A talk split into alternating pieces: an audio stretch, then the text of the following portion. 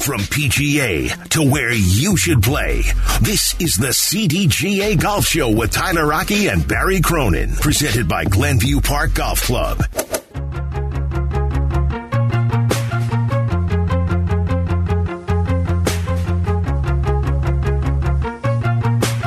It's the CDGA Golf Show presented by Glenview Park Golf Club. I'm Tyler Aki with Barry Cronin here. It's another lovely Sunday in Chicago.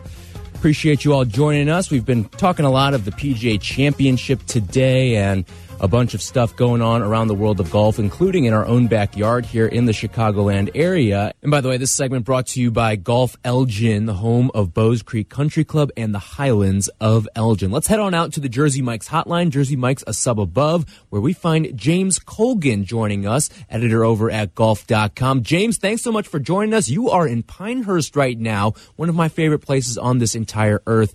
How are you doing this morning, James?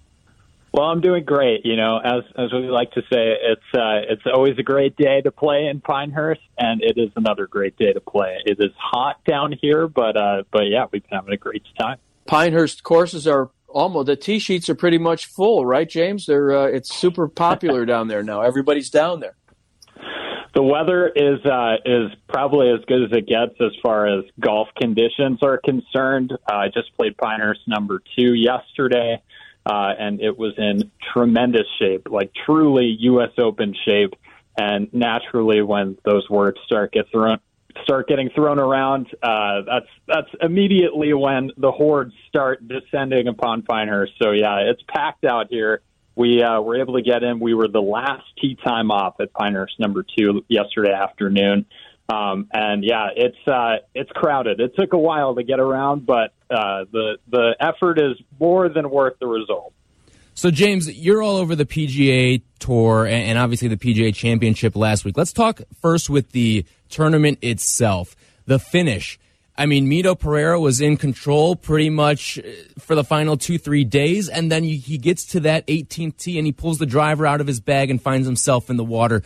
What did you make of that final sequence leading to the playoff and then Justin Thomas beating out Will Zalatoris to lift the trophy? Well, you know, Nick Faldo said it uh, in the moment it happened, but uh, it's one of the more puzzling decisions of the last several years in professional golf that Mito Pereira didn't just pull a three wood on that 72nd tee box and hit a three wood into safety and try to ride out a par to win the tournament. Uh, the decision to pull driver there was astonishing to say the least. Um, and, you know, he had forever to miss on the left side of the fairway, but uh, with the length and the and the difficulty of that 18th hole at Southern Hills, uh, it, it was really it, there, the only place he could miss was to the right side. Um, and that was also the only place he couldn't miss because it was the only area where there was water. So yeah, the decision to pull to pull driver from Mito, I mean, it was heartbreaking to see the to see the result there. I, I don't think we've seen much like that in golf recently. Um, but then the way the tournament ended, I mean, if you had told me on Thursday afternoon or Thursday morning that we would get Justin Thomas and Will Zalatoris in a three-hole aggregate playoff to decide the tournament, I would have been bending over backwards. I, I would have been so excited. So yeah, it was uh, it was a thrilling end, but I felt badly for Mito because it came, I think, in probably the most heartbreaking uh, of circumstances.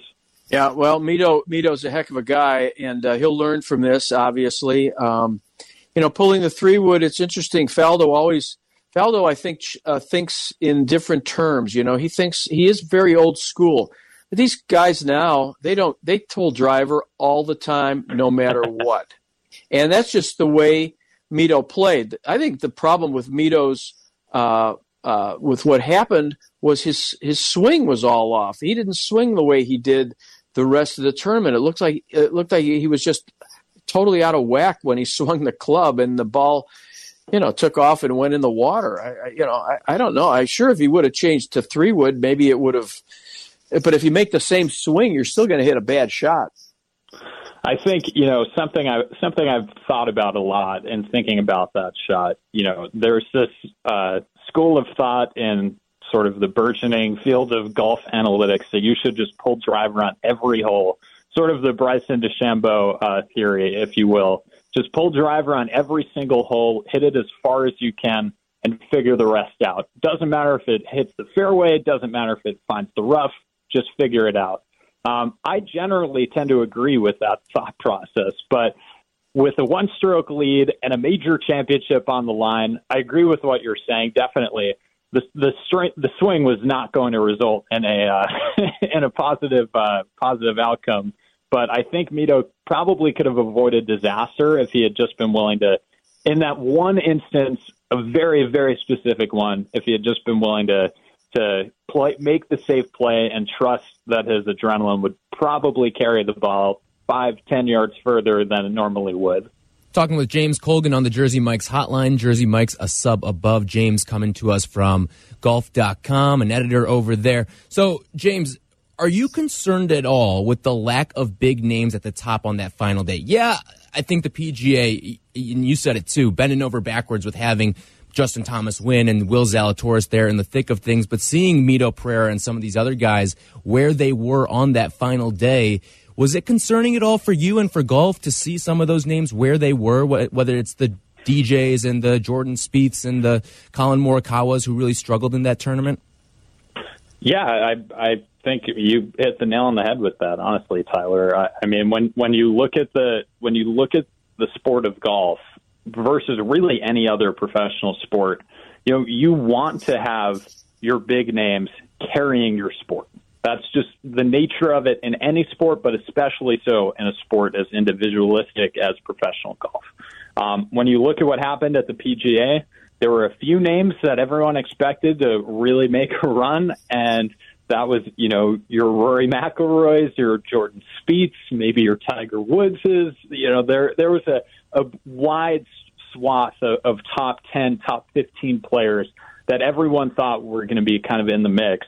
And then when Sunday rolled around, uh, almost no one was in the mix, really, with the exception. I mean, Justin Thomas was seven strokes out when the day started, and when you look at, you know, Rory McIlroy was maybe as close as anyone when he made that early run on Sunday. But I mean, even that was not really much of a run at all. I think, you know, when you look at the state of golf right now, there's this post, uh, you know, Tiger Woods generations of stars that's come up and that generation was supposed to take the mantle and and run with it.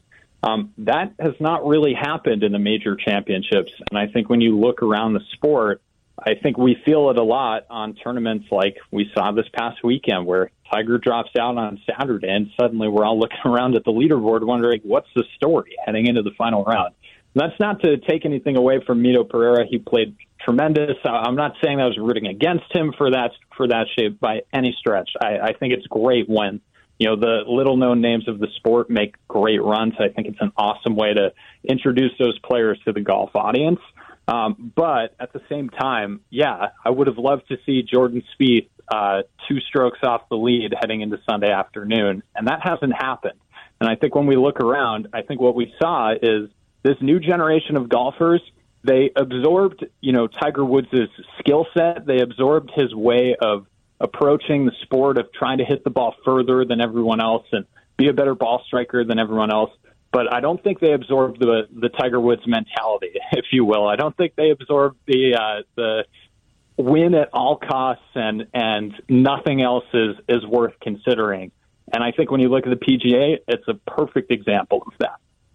Yeah, and Tiger, uh, Tiger, Tiger is is the most unique player probably in golf history as far as that uh, his mental approach to the game.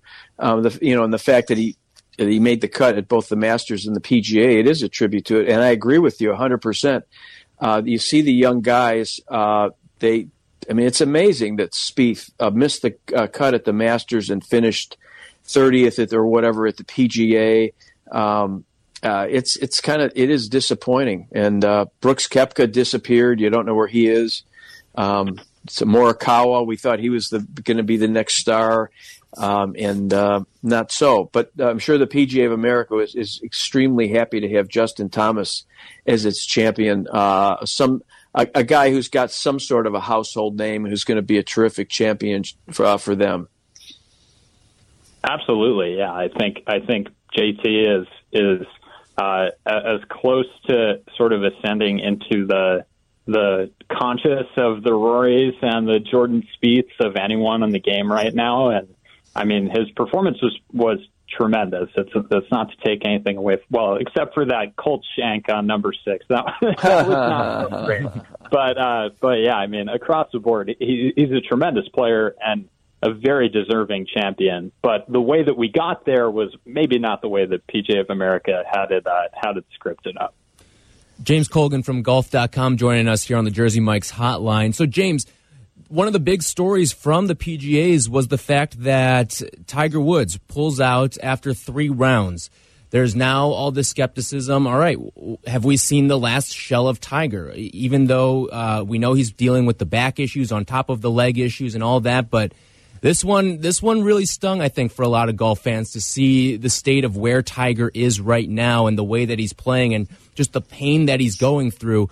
Is this the last that we've really seen of Tiger, or do you think we're going to see him at the British? Uh, you know, t- Tyler, I wrote at the beginning of the week. First of all, I'll, I'll answer by saying we are absolutely almost 100%, barring some sort of crazy setback, we are going to see Tiger Woods at, at the British Open. At St. Andrews, he will be there.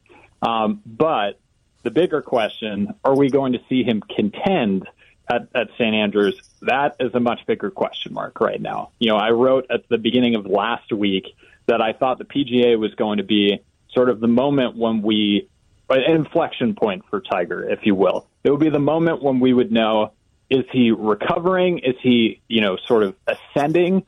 Or is he still trying to figure out, you know, how much better am I going to get? How much healthier am I going to be? And I think the answer that we got from Tiger watching him at the Masters and then again at the PGA is that he's someone who is still not at the point where walking 72 holes of golf over four days is really a, a, a feasible outcome. I I just I, I don't I don't think that we've seen that from Tiger yet, and I think for him it's not a question of whether or not his golf game is capable of being there. When he's swinging on Thursday, when he's swinging in practice rounds, he looks as good as he's looked, you know, at any point over the last five years. The problem is he has to walk from where he hits his drive to where he hits his approach shot, and then from where he hits his approach shot to the green, and then he has to do that 17 more times. And that's a that's a problem that has not proven itself solvable for Tiger just yet. Um, now we will have probably about two months until a little bit less than two months until until the Open at St Andrews. So that'll be some more time for Tiger to recover, for Tiger to get stronger. But the the big question mark right now, and the thing everyone wants to know, is Tiger capable of playing more than two days and more than two rounds consecutively at a very high level? Because he did that at the Masters. He played two rounds, but then Saturday he went out and shot a really high number. And then Sunday, he limped his way to the finish line, shot another really high number.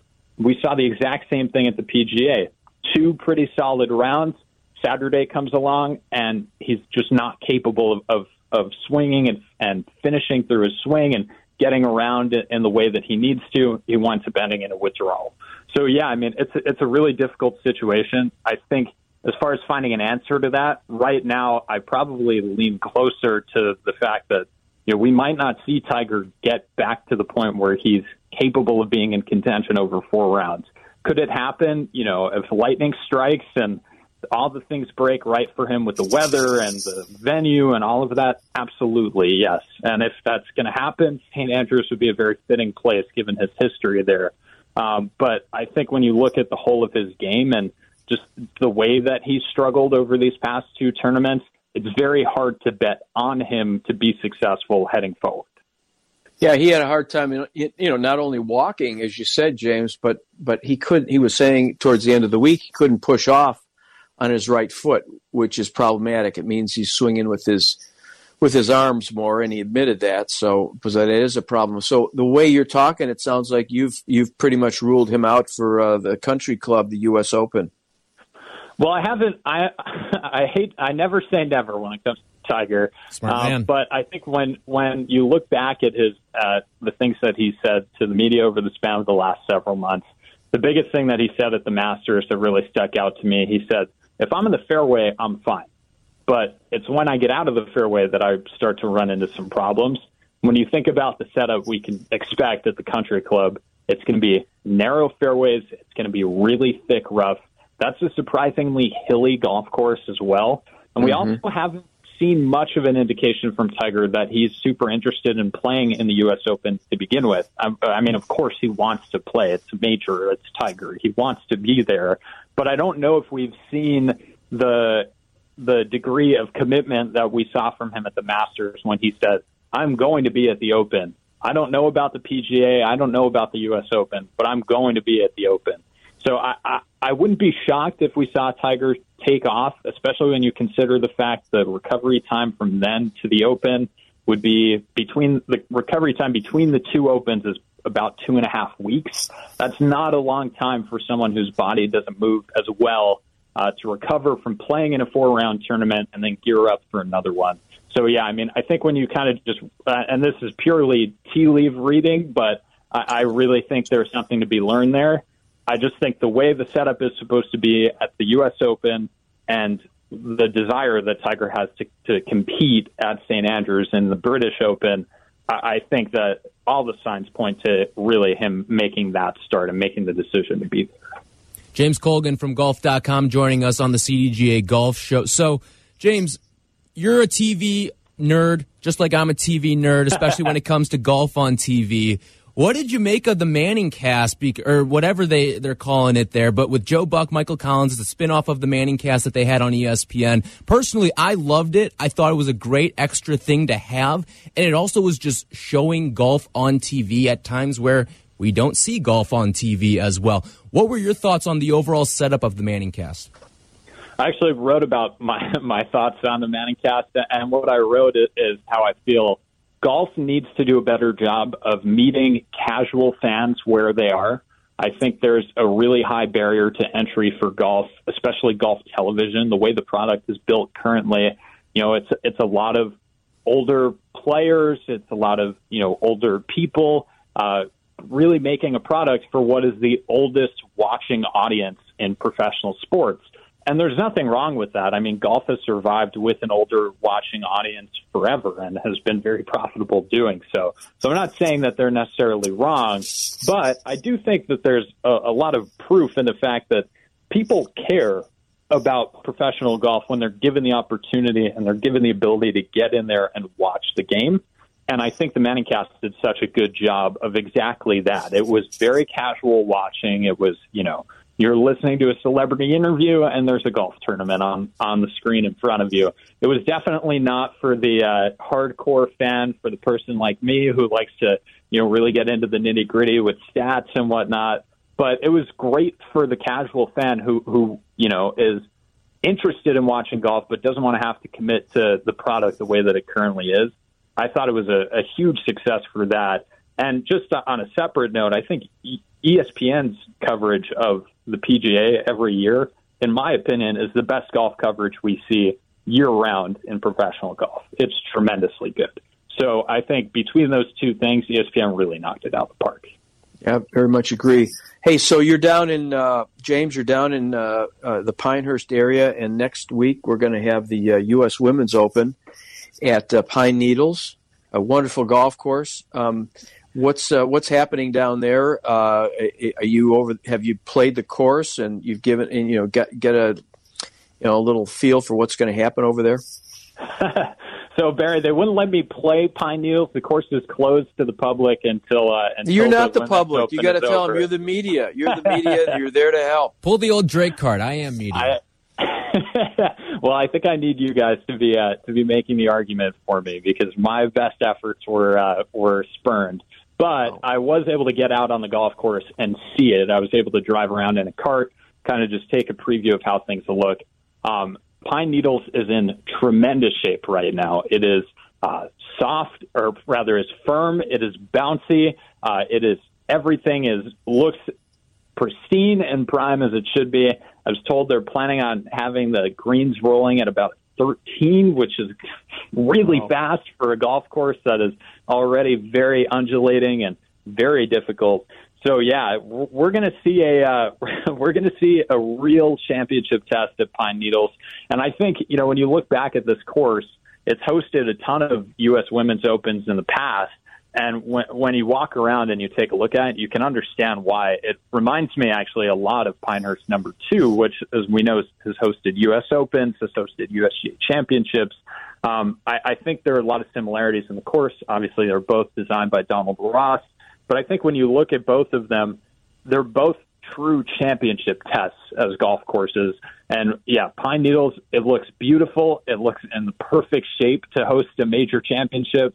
And yeah, I think it's going to be playing sufficiently tough for the uh, for the ladies when they roll through next week. James, appreciate the time with us here on the CDGA Golf Show. We'll be checking out all your work on golf.com. And thanks so much for joining us. Hope to talk soon. Awesome. Thanks so much, guys. This segment Thanks, brought to you by Golf Elgin, home of Bowes Creek Country Club and the Highlands of Elgin. The CDGA Golf Show will be right back. More golf ahead. The CDGA Golf Show on ESPN 1000. Presented by Glenview Park Golf Club. From PGA to where you should play. This is the CDGA Golf Show with Tyler Aki and Barry Cronin. Presented by Glenview Park Golf Club.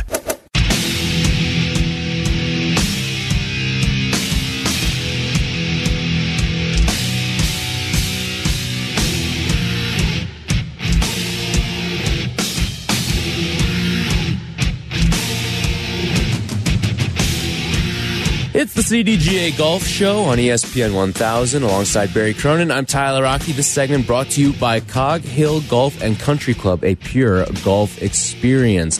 Talking a lot of PGA Championship, talking a lot as well about the beautiful weather we're having out in Chicago, where everyone's going out and playing today and yesterday and tomorrow. It's a beautiful Memorial Day weekend here in the city. And John is out in Barrington. He wants to jump on into the conversation. Good morning, John. Morning, Taylor. Uh, I've uh, been scanning, and the best deal I can find today was a CDGA uh, member special at uh, White Deer Run, which was only thirty-six bucks at a twilight uh, rate. So I've never played that course before, and I'm looking forward to it. Yeah, that, that's an awesome deal. And again, that's part of the the great part of being a member with the CDGA. And John, we appreciate the call. There is there are all these member perks with it too that come along with it. And you just heard John, you get a great twilight rate now. Absolutely. Um, you know, there's quite a few uh, social events that they have, and uh, I mean, you know, as the editor of Chicago District Golfer magazine, you get that six times a year, and uh, it's the best golf coverage you can get in Chicago, which is not saying much because the newspapers don't cover golf anymore. But but it is great, uh, in spite of the fact we'd still be better than the than the newspapers, even if they were good. Um, but uh, but yeah, and uh, well, good for him. And White Deer runs a fine course out there in the Vernon Hills, and uh, he'll have a great time. So you, over the past couple of days, have been at the NV5 out at the Glen Club, which Right. is a great event every single year. Yeah. And you, we went through the leaderboard a little bit, but what, what's been the feel out there? I know it's been weather-wise, it's a, kind of been like Southern Hills. It feels like Yeah, with the oh, it's hot one day, and now you had the rain one day and the cold the first couple of days, but now it, everything's shaping up for a beautiful finish on yesterday and then today in the final round. Right. It was a lot of it was rain, but they did not have any um, uh, delays on Thursday, and then Friday, same thing. Uh, it was super windy on Friday, gray, overcast, a typical Chicago spring day, I guess. And then uh, yesterday it was was perfect, and uh, it was really exciting. Nick Hardy, uh, who is from Northbrook, uh, played at the University of Illinois, has a very large contingent following him uh, of Illini uh, uh, uh, supporters. So do you see a lot of Illini hats out there? Oh yeah, there's a lot of Illini gear, and uh, yeah, yeah, following Nick really, and then of course uh, Nick's teammate Dylan Meyer, uh, who is a former Western Amateur champion, uh, got a sponsor exemption, so he's playing this week, and uh, so did Patrick Flavin, who played at uh, um, uh, Miami of, of Ohio, uh, and he's he got a sponsor exemption, so he's. Uh, tied for 33rd right now. And um, so, yeah, uh, it's going to be a great day. Uh, um, Nick and Davis Thompson. Uh, Davis shot 62 yesterday. Yeah, he went under way par. low. Yeah, he did. He was terrific. Uh, and uh, and Nick tied him on the last hole to get into the final pairing. Um, he made a an eagle on the 18th hole. It was just just a great. I mean, it was a 22 foot downhill putt uh, from the back of that green on 18, and he nailed it, and that got him uh, to 16 under par and got him into the final pairing for the second year in a row. So. Just a couple of the, uh, the, you know, this tournament has really identified some some terrific champions. Uh, Scottie Scheffler won it in 2019. Then in 2020, a guy named Curtis Thompson won it, but in second place was Will Zalatoris. And then last year, when Nick Hardy was in the final pairing, uh, the other person in the final pairing was uh, Cameron Young, who, as we know, finished in the top five or whatever, it was in contention at the PGA Championship and has had a great year in his first year on the PGA Tour. So uh, Nick is uh, coming back from an injury. He's been out for about a month with a wrist, wrist injury. So uh, this is his first tournament back. This is like a minor league um, rehab uh, start yeah. for for Nick. Um, and uh, next week he'll be playing uh, on the PGA Tour. So that's it'll be fun to see him. They they go off at twelve fifty and uh, it promises to be a beautiful day. I've been watching the uh, the, uh, weather forecast here on Channel Seven. Yeah, know, high seventies, low eighties yeah, today. It's, so it's, it's going to be a nice one be out there. It's going to be a beautiful day out there, and it's uh, free admission. You just park right there at the uh, in the parking lot at the Glen uh, Shopping Center and walk in, and um, and you're you're good to go. Yeah, you look at the the leaderboard. So it's Nick Hardy, Davis Thompson, Harry Hall, all tied at 16 under. A couple guys 14, 13 under as well, and a dozen under. Do you think we, have got a, a, Justin Thomas story here? Someone that can come back from down, way down on the leaderboard right now? Well, we could. I mean, these are type, these are scoring type of days. So I think that the two guys, uh, the three guys at 16 under, um, they're two they're two shots ahead of uh, Christopher Petefish, and uh, and three ahead of uh, uh, Mac Meissner. So and Jimmy Stanger. So you know you never know, but I mean this is a kind of a scoring day, and um, and and it'll be nice weather. The ball will be going a long way, and uh, it'll be fun to be out there and see what happens. And I would say on a scoring day, I like Nick's chances because of his familiarity with the course. It's one of those courses that it's literally in his backyard.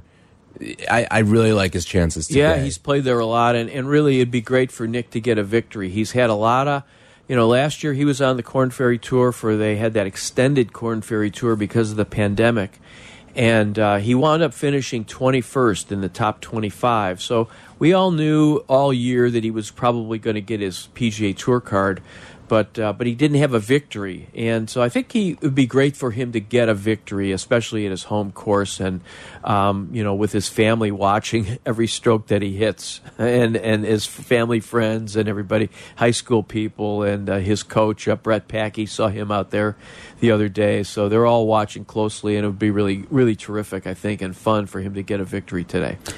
All right, so we will be watching for that today. You're going to be out there, right? I will be out there, awesome. hoping that uh, Patrick Flavin, who's got a Patrick uh, is T33, if he can get into the, uh, and this uh, applies to Dylan Meyer too, if they can get into the top 25, then they uh, they get into the next Korn Ferry event in North Carolina. Uh, they get in next week's event. They don't have to worry about qualifying or anything because neither one of them has a Korn Ferry Tour official card so they have to play their way into these events. So, uh, so kind of hoping that uh, that something uh, something goes well for those guys too. All right, well, let's give another CDGA prize pack away. Be caller number ten right now. Tell us where you're playing. Either you've already played this weekend or you're going to play this weekend. Today, tomorrow. It's a beautiful Memorial Day weekend here in the city and in the Chicagoland area. Tell us where you're playing. Caller 10 right now. You're going to win a CDGA towel, a Blackhawks towel, a sleeve of zero friction distance balls, a CDGA hat, divot repair tool, and a free Jersey Mike sub 312-332-3776. Caller 10 right now. Let us know where you're playing. When we come back, though, Barry had an exclusive interview with Lucas Glover, who just competed in the PGA Championship and is the defending champion at the John Deere Classic. Barry got a chance to sit down with him. We will hear from Lucas Glover when we come back on the CDGA Golf Show. This segment brought to you by Cog Hill Golf and Country Club, home of 42 practice bays with top tracer technology. Golf is on your mind and on the air right now. This is the CDGA Golf Show on ESPN 1100.3 HD2 and the ESPN Chicago app, presented by Glenview Park Golf Club.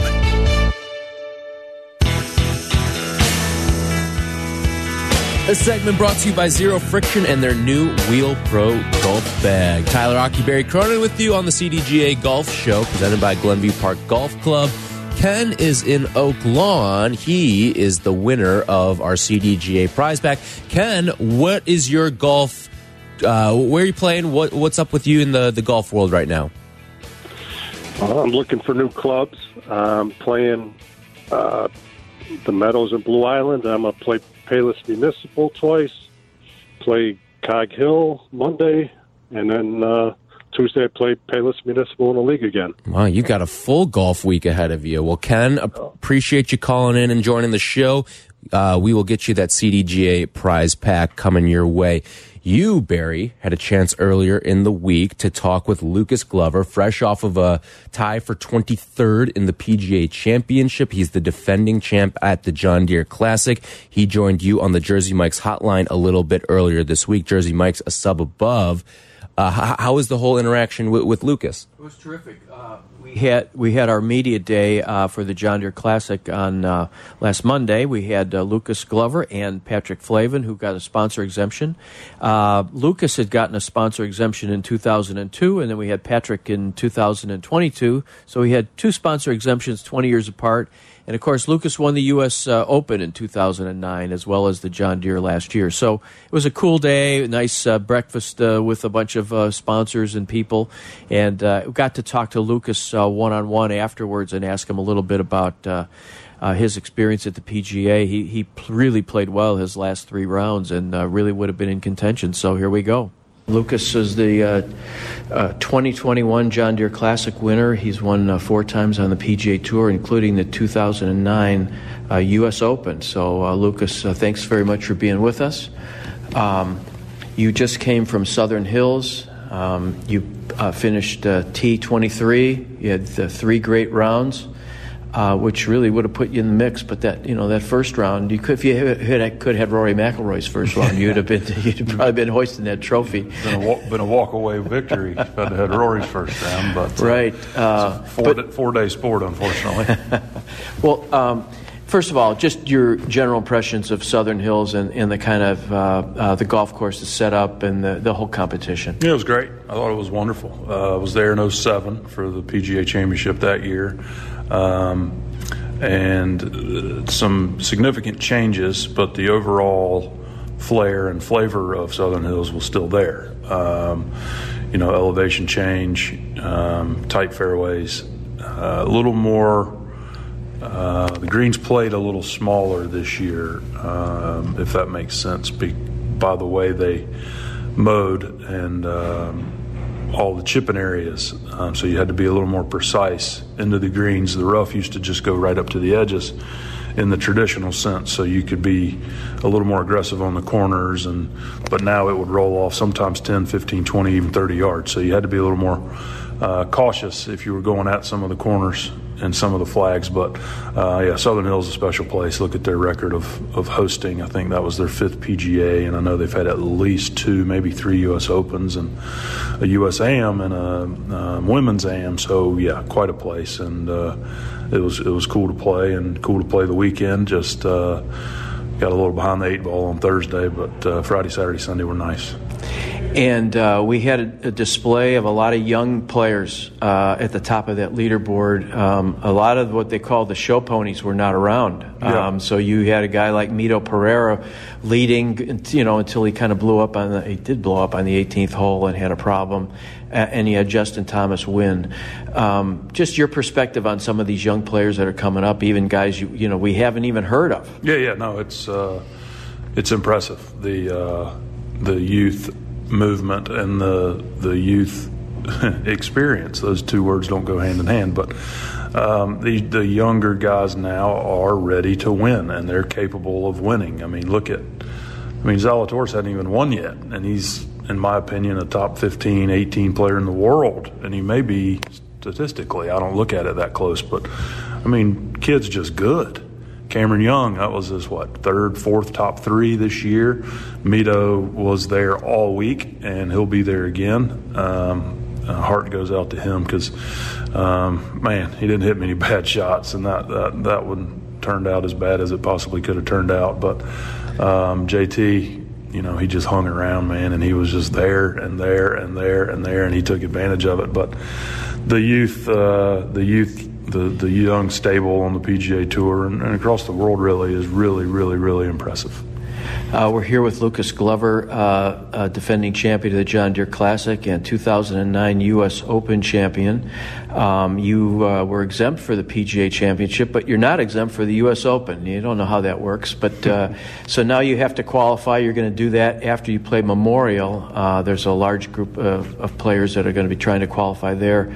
Um, what, what's your perspective going into that, and and do you think you should have got exemption for God's sake? Uh, well, I, I, knew the rule, you know, ten years. So, um, and then I uh, so I was exempt the eleventh year because of uh, making the tour championship a couple years ago. So last year uh, was actually the first year I had to qualify, and um, uh, it was kind of an eerie feeling, first time in eleven years, but uh, and it was at my home course, believe it or not, the Bears Club in Jupiter, Florida. Uh, unfortunately, I uh, I was a little sick. Um, hopefully, it wasn't COVID because I didn't tell anybody. But uh, um, anyway, so yeah, this year be the Monday after Memorial, uh, right there in Columbus, and um, that's where I qualified in 09. So maybe uh, maybe some re karma if if that's even a thing. But uh, yeah, it's a good good stretch of golf coming up. Got two two weeks, uh, Colonial this week, Memorial next week. Two of my favorites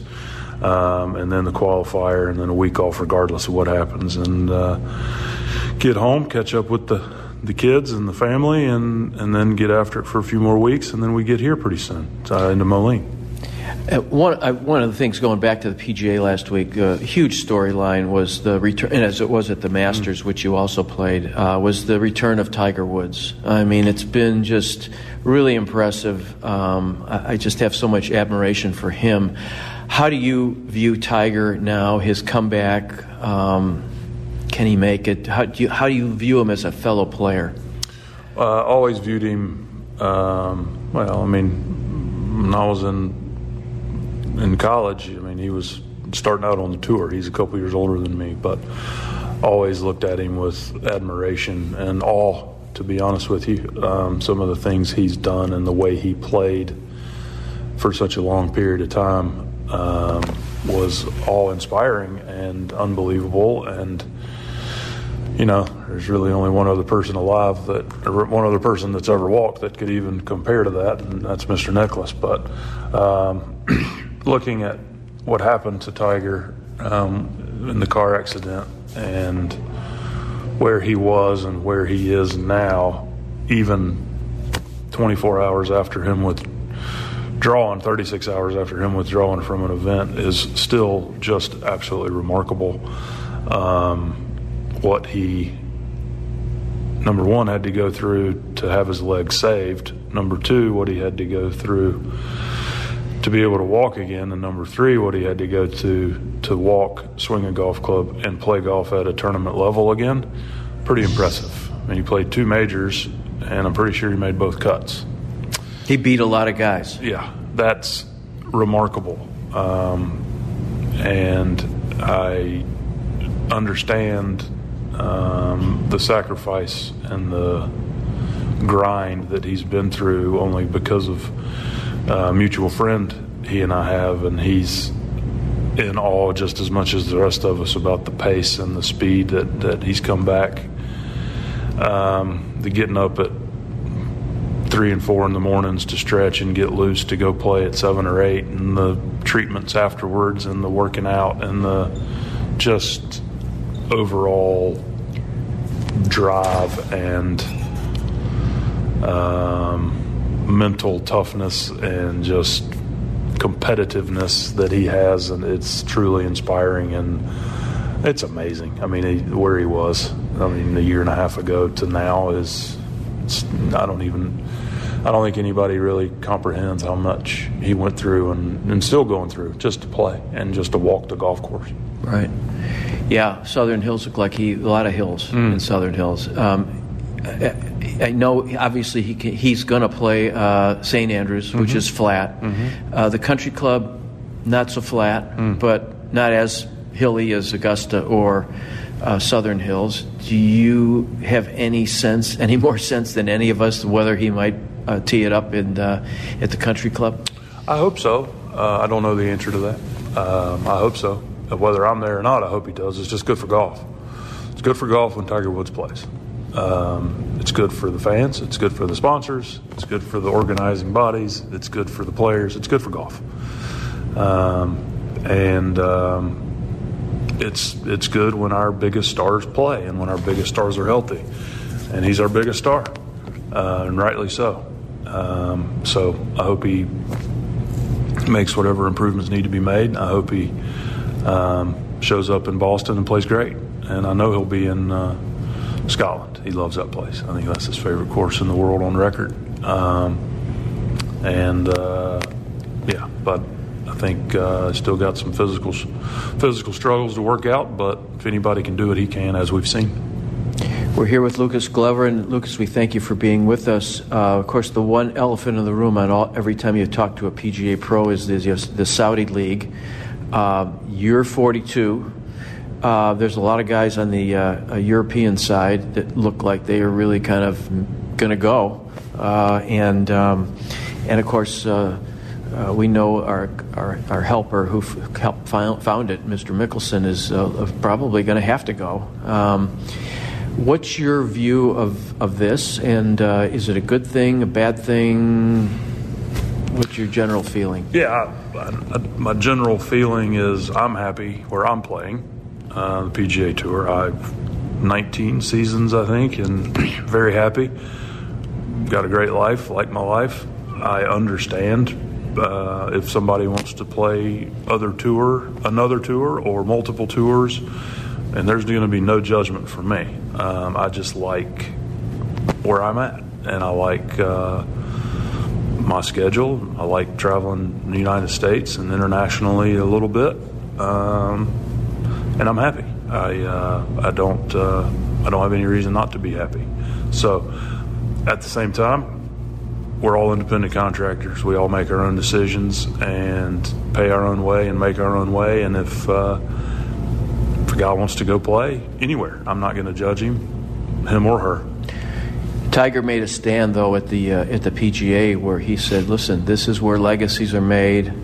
And um, uh, when Jack and Arnold founded the tour, uh, that meant something. It means something to him, I, and I think uh, he, I think he sounded like he held the players who were going to go in some level of disdain. I would say Hmm. um, that would be my interpretation. Um, uh, do you kind of agree with Tiger? Uh, I mean, he was strong. Yeah, I didn't hear those comments actually. So I, uh, and uh, you saying that's the first I've heard that. Um, so I would be probably be jumping to conclusions to, to speak on that. But um, yeah, you know those the guys that did found it, they paved the way for us, and uh, you know hold those guys with, in great respect as well. So it sounds like Tigers. Uh, um, strong has strong feelings about it, and you know I have strong feelings about where I'm going to be, and I'm not uh, I'm not in a position to judge anybody on anything they decide. But uh, I like where I'm at. I like where I'm able to play, and I'm thankful for where I'm able to play, and I'm just happy playing here. And they've supported me. I'm supporting them, and that's that's the way it is. Sounds good. All right, thanks, Lucas. Appreciate Thanks. you being with us. Anytime. All right, great stuff there from Lucas Glover and Barry Cronin. This segment brought to you by Zero Friction, the most innovative products company in golf. How's your golf game? Yeah, mine too, but more on that later. It's time for more golf talk on the CDGA Golf Show, your guide to golf around the world and in your neighborhood. The CDGA Golf Show on ESPN 1000 Here are your hosts, Barry Cronin and Tyler Aki. This segment brought to you by X Golf Downers Grove with easy access off of I 88 and I 355. If you missed anything, Lucas Glover, James Colgan, check it out on the podcast wherever you get your podcast. Thank you to Jake Cantu for producing. Thank you to James Colgan and Lucas Glover for joining us on the show today. This segment brought to you by X Golf Downers Grove with easy access off of I 88 and I 355. We'll be back with you next week.